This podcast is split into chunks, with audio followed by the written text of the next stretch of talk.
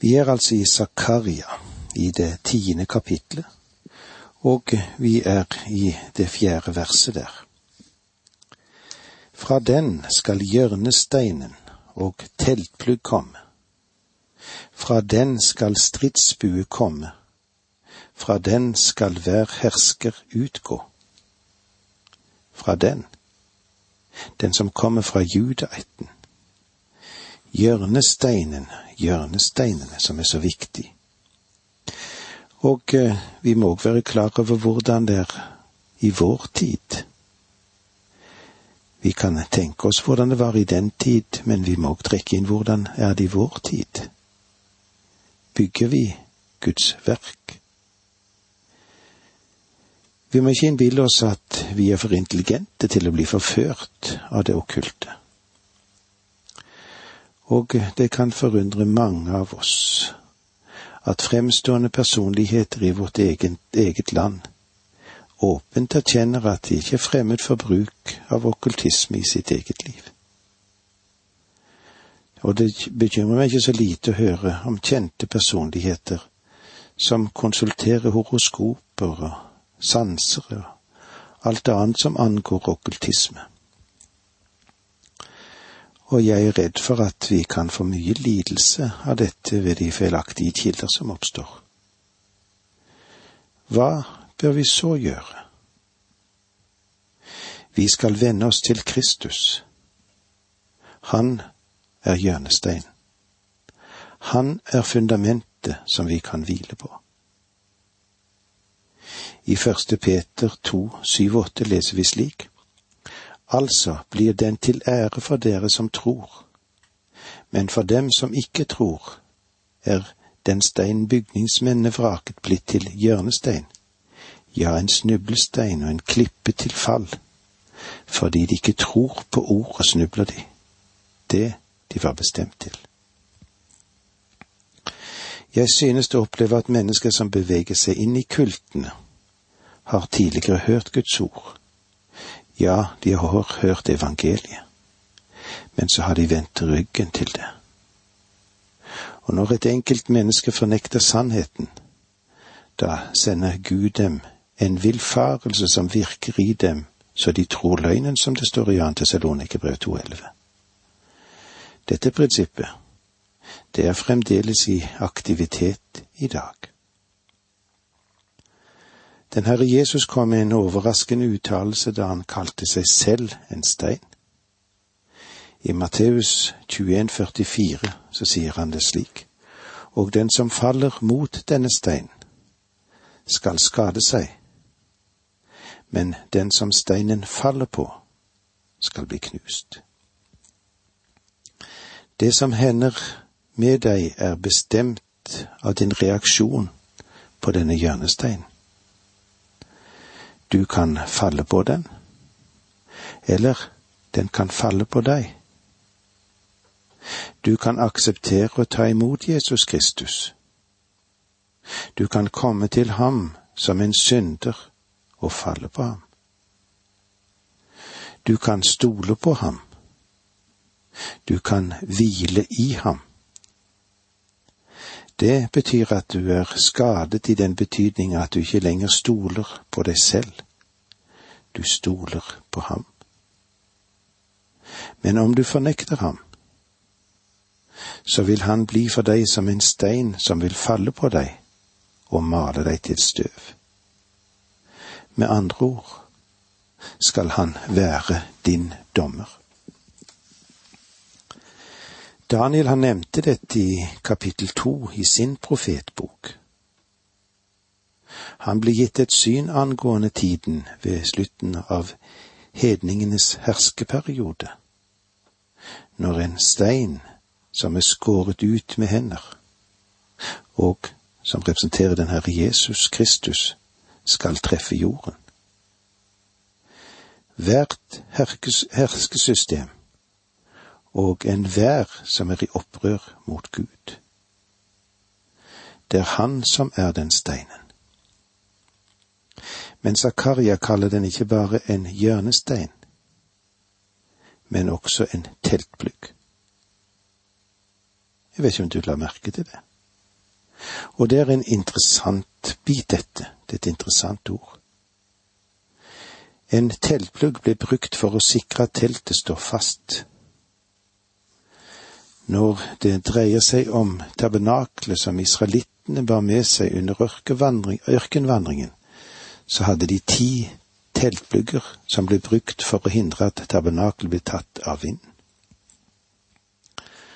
Og her blir altså Kristus fremstilt som en teltplugg.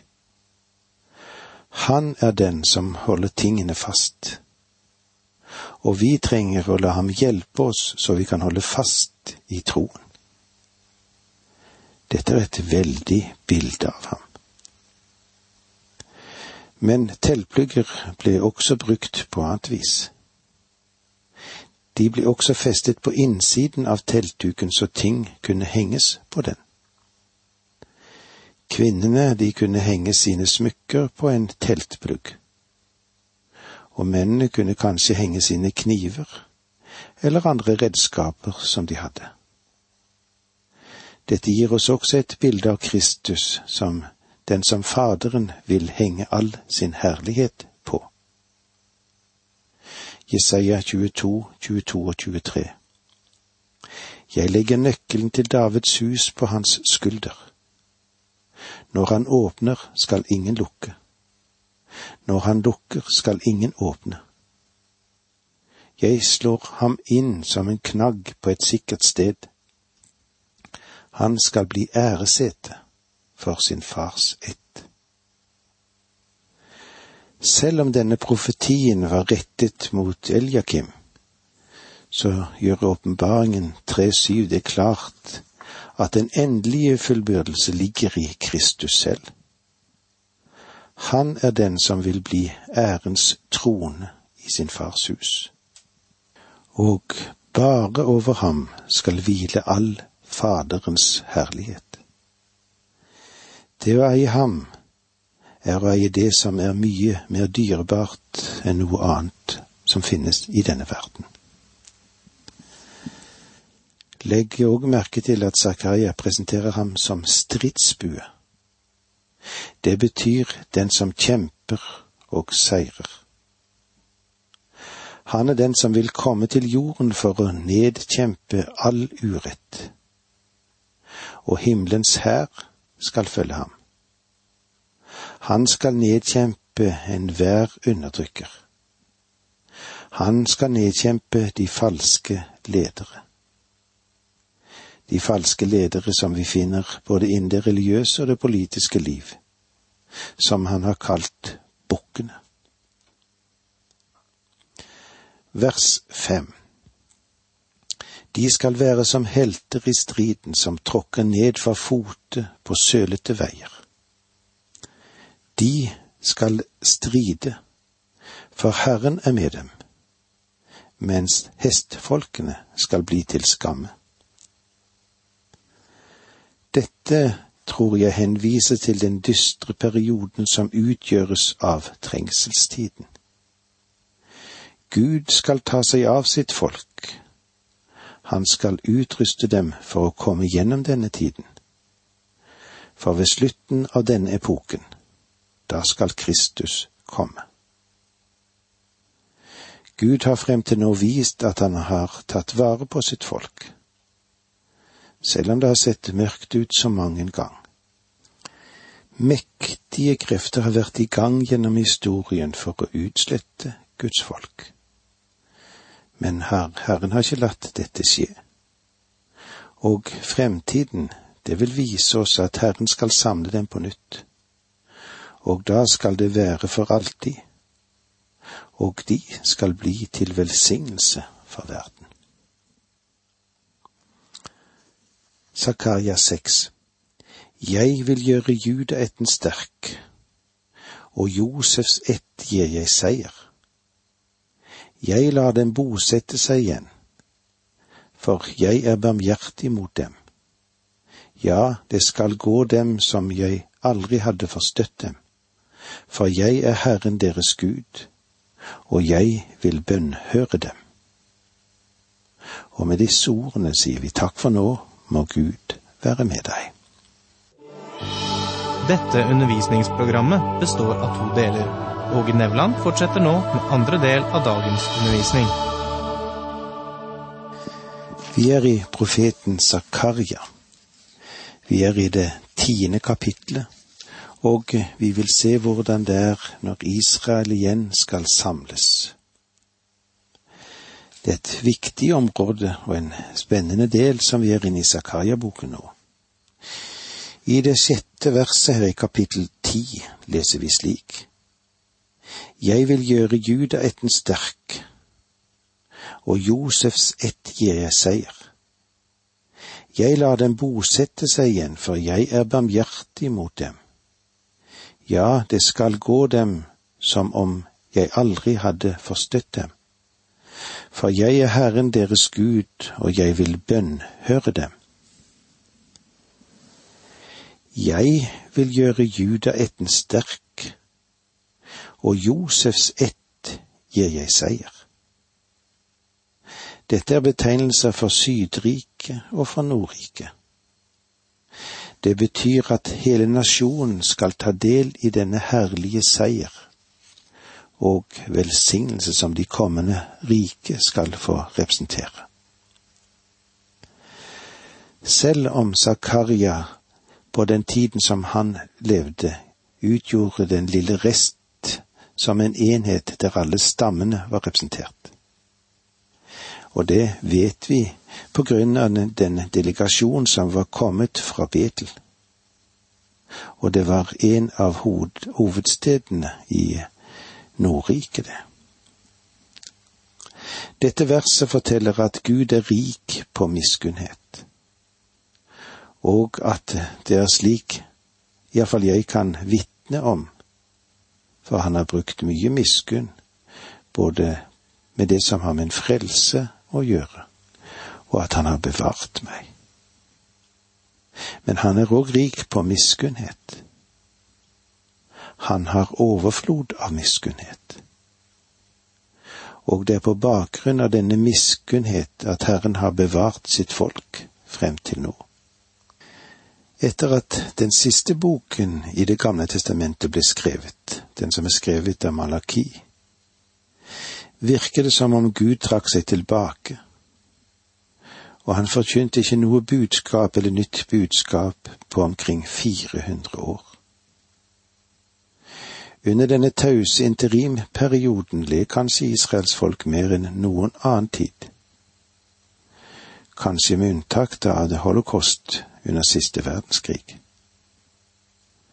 Men selv om Gud var taus under denne 400-årsperioden mellom Malaki i Det gamle testamentet og Matteus i Det nye testamentet, så har vi en god forståelse av at det fant sted noe der på grunn av de profetiene som er gitt til Daniel og Zakaria, noe som vi ser her.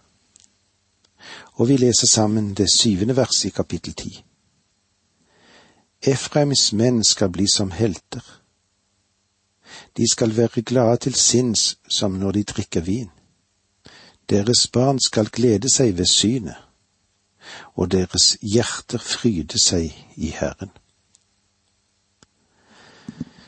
Det er de som mener at de ti stammene i nord er gått tapt. Men Efraims er et av de navn Gud ga de ti stammene i Nord-Israel. Om du vil forsikre deg om det, så skal du lese Hosea. Legg merke til hvor rømt Gud uttrykker seg. Hosea 11,8. Hvordan kan jeg oppgi deg, Efrem? og la deg fare, Israel. Gud ga de aldri opp. De er ikke tapt. Det er med Guds nåde de er blitt bevart som et folk. Efrems menn skal bli som helter. De historiske beretningene som vi har fra perioden mellom Malaki og Matteus, det er en fengslende beskrivelse av hvordan israelittene holdt stand mot de syriske erobrerne. Spesielt Antiokus Epifanes. Hans tortur av dette folk, det var grusomt. Og likevel holdt de stand. Efraims menn skal bli som helter. De skal være glade til sinns som når en drikker vin.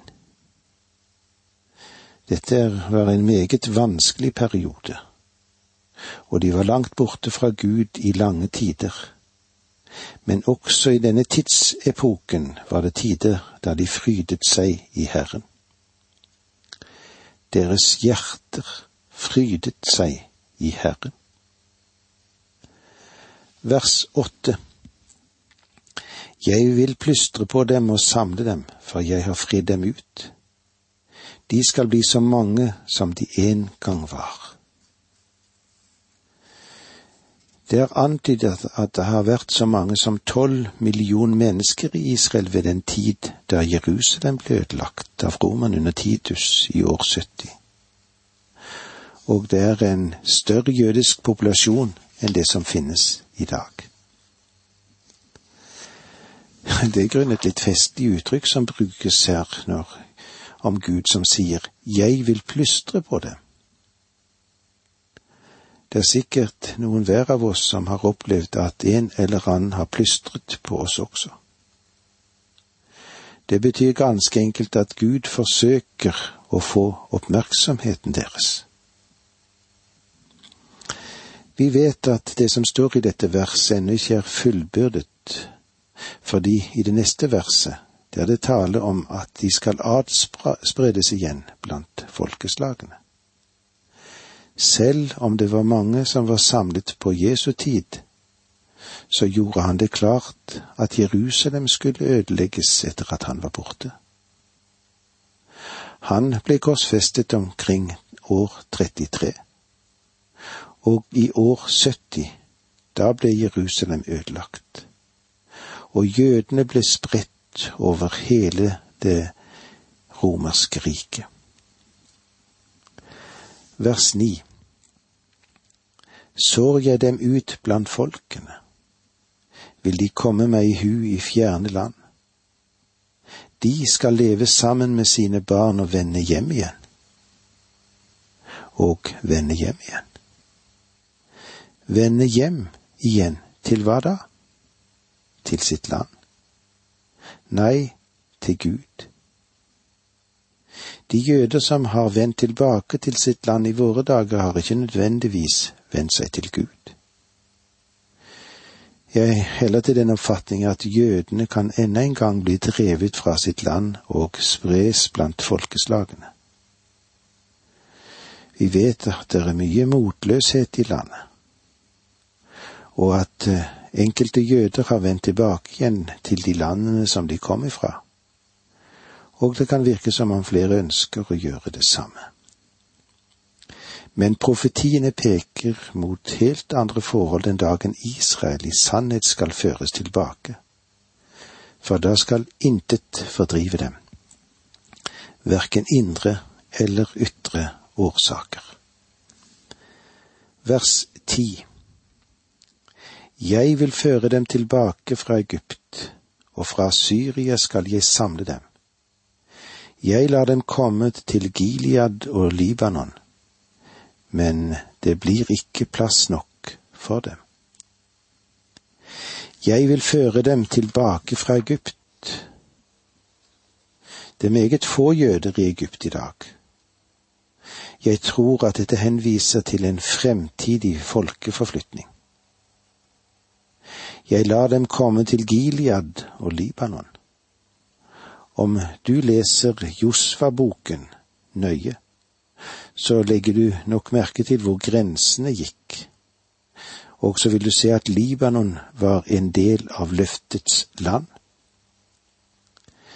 Noen fortolkere mener at når Bibelen taler om landet som flyter av melk og honning, ja, så henvises det til den sydlige delen av kysten i Libanon. Det er jo ganske fryktbart område, dette, også i dag. Men jeg vet ikke om jeg er helt enig i det, for vi vet ved den tiden da speiderne utforsket landet, var det tilstrekkelig regn. Alle fjell og lier var dekket med skog, og det var frukt overalt. Faktisk er det slik at bare noen få år var det at regnet sviktet, og det skapte det om til ørken. Men Libanon var en del av løftets land. Gud har sannelig ikke gitt Libanon til jødene i våre dager. Men en dag skal det bli deres. Er du libaneser, så liker du kanskje ikke dette. Men vær ikke bekymret, for det dreier seg om en situasjon i tusenårsriket, og alt skal ha en helt annen herlighet ved den tid, så bekymringer, de skal ikke være berettiget vers 11 og 12. Han skal dra gjennom det truende havet og slå ned bølgene der. Alle Nilens dype strømmer skal tørke inn. Asurs stolthet skal støtes ned. Herskestaven skal vike fra Egypt. Jeg vil gjøre dem sterke i Herren, og de skal ferdes i Hans navn, lyder ordet fra Herren. Og med disse ordene sier vi takk for nå, må Gud være med deg.